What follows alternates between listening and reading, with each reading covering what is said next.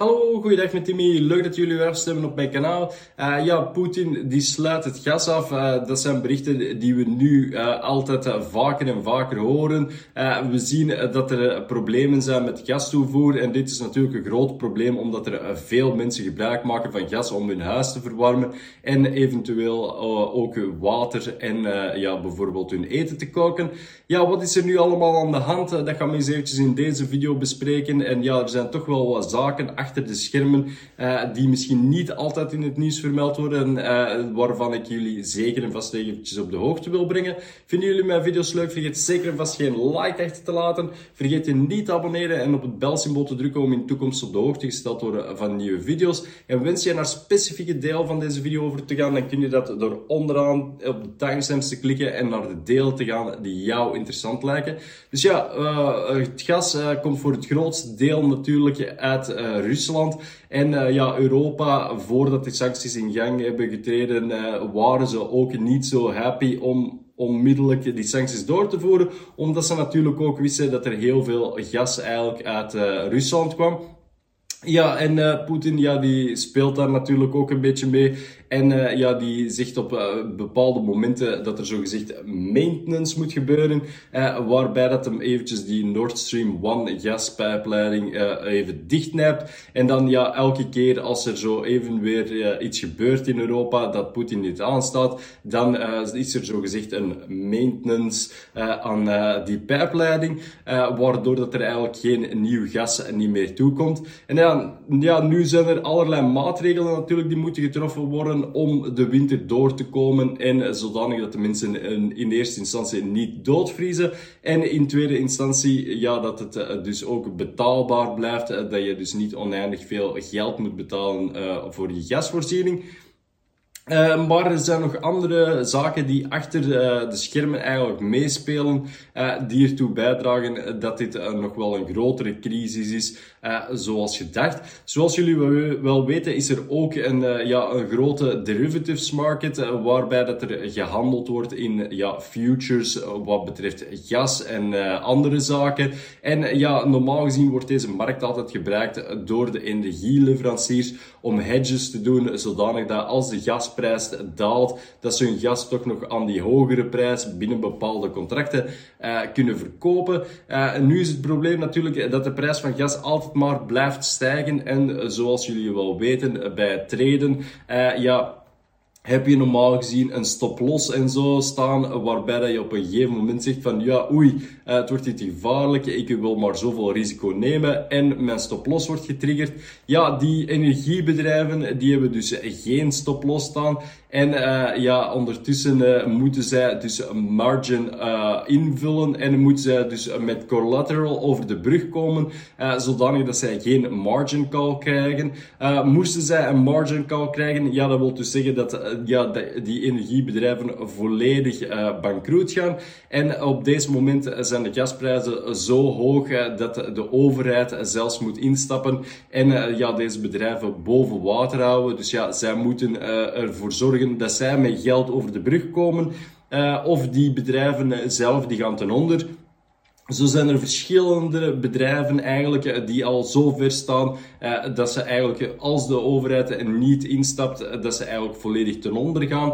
Uh, wat er dus toe bijdraagt dat we dus een groter probleem hebben dan gewoon de toevoer van gas. dus ja, dit is misschien iets dat niet altijd vermeld wordt, maar ja, je zou wel eens een soort van Lehman Brothers situatie kunnen krijgen, maar dan onder de energieleveranciers, waarbij dat de energieleveranciers eigenlijk zelf ten onder gaan en dan in een domino-effect eigenlijk de andere energieleveranciers ook meetrekken. Daarmee zijn er ook enkele zaken waarmee dat je rekening mee moet houden. Uh, bijvoorbeeld, uh, ik zeg nu maar iets, als je voorschotten betaalt maandelijks uh, voor je energiefactuur, ja, dan kan het verstandig zijn om die voorschotten eventueel zo laag mogelijk te houden. En dan ja, het stukje dat je minder betaalt, om dat zelf altijd naar een aparte spaarrekening over te schrijven. Natuurlijk met ja, het vooruitzicht dat je dat niet gaat uitgeven en dat je dat ook effectief apart houdt.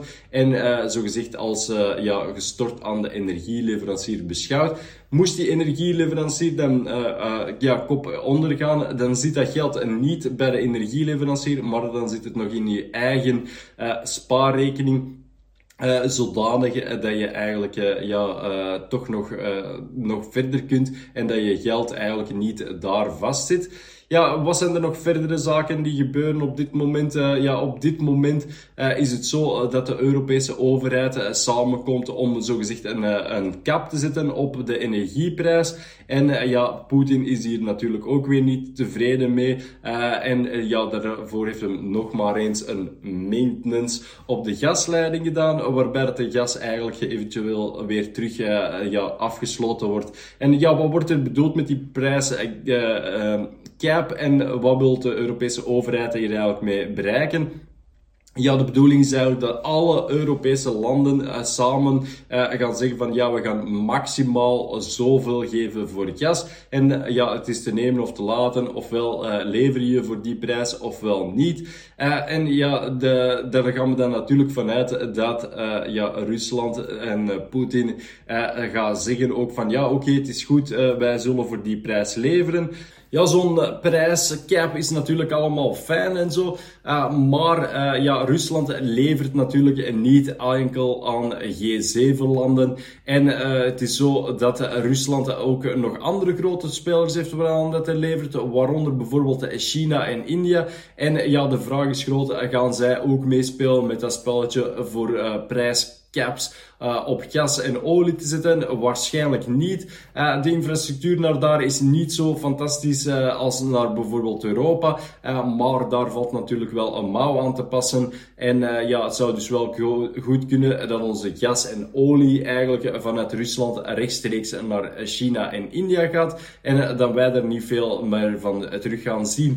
Verder hebben we dan ook nog supply and demand. Dus ja, hoe meer vraag dat er is, ja, hoe meer dat er ook moet geleverd worden. En als de consumenten gewoon blijven doorstoken en blijven gas uh, gebruiken zoals vorige winters, ja, dan zitten we natuurlijk met het probleem dat je gas ergens vandaan moet komen en dat er natuurlijk ook voor betaald moet worden.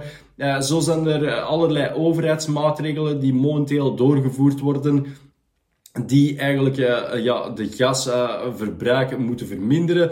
Zo zijn er de, gewone maatregelen, zoals bijvoorbeeld bepaalde verlichting en zo uitschakelen, ja, bepaalde zaken verminderen.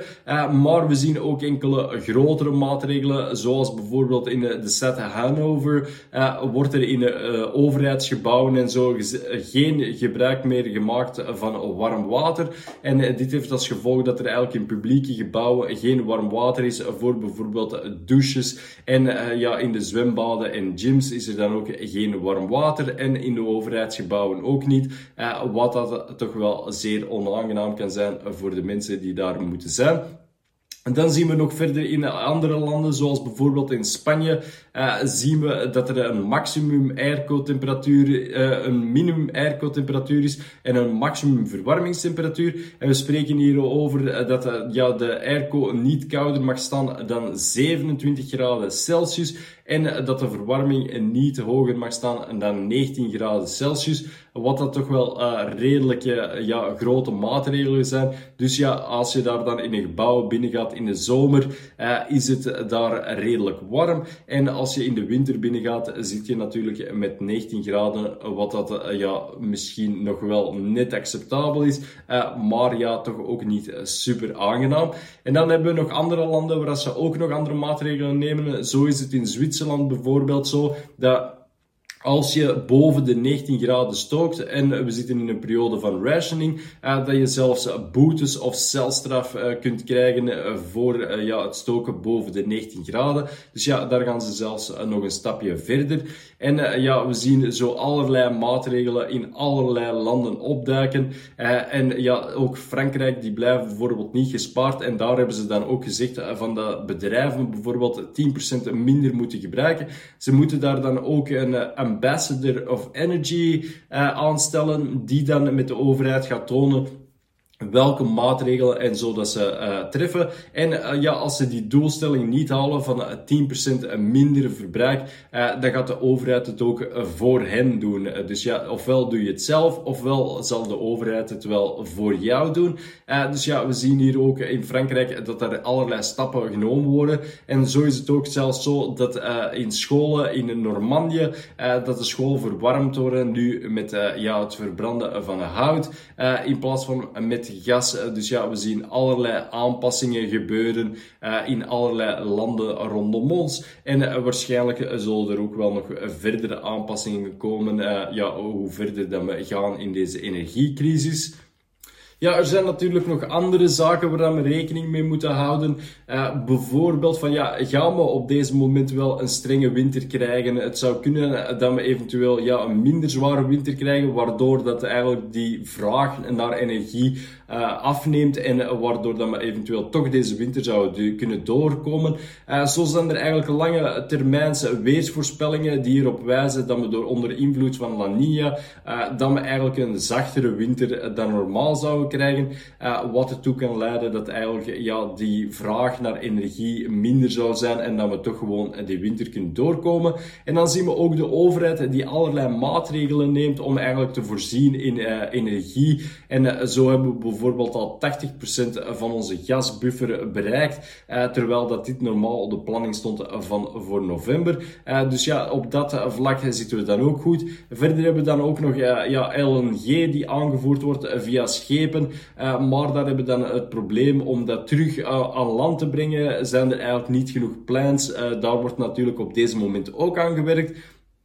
En we zitten dan natuurlijk ook met het probleem dat wij niet de enige uh, vrager zijn van die LNG. En uh, ja, dat bijvoorbeeld grote landen zoals Azië uh, daar ook al lange termijn contracten heeft liggen. Dus ja, moesten zij dan die gas opeisen, dan krijgen zij natuurlijk voorrang.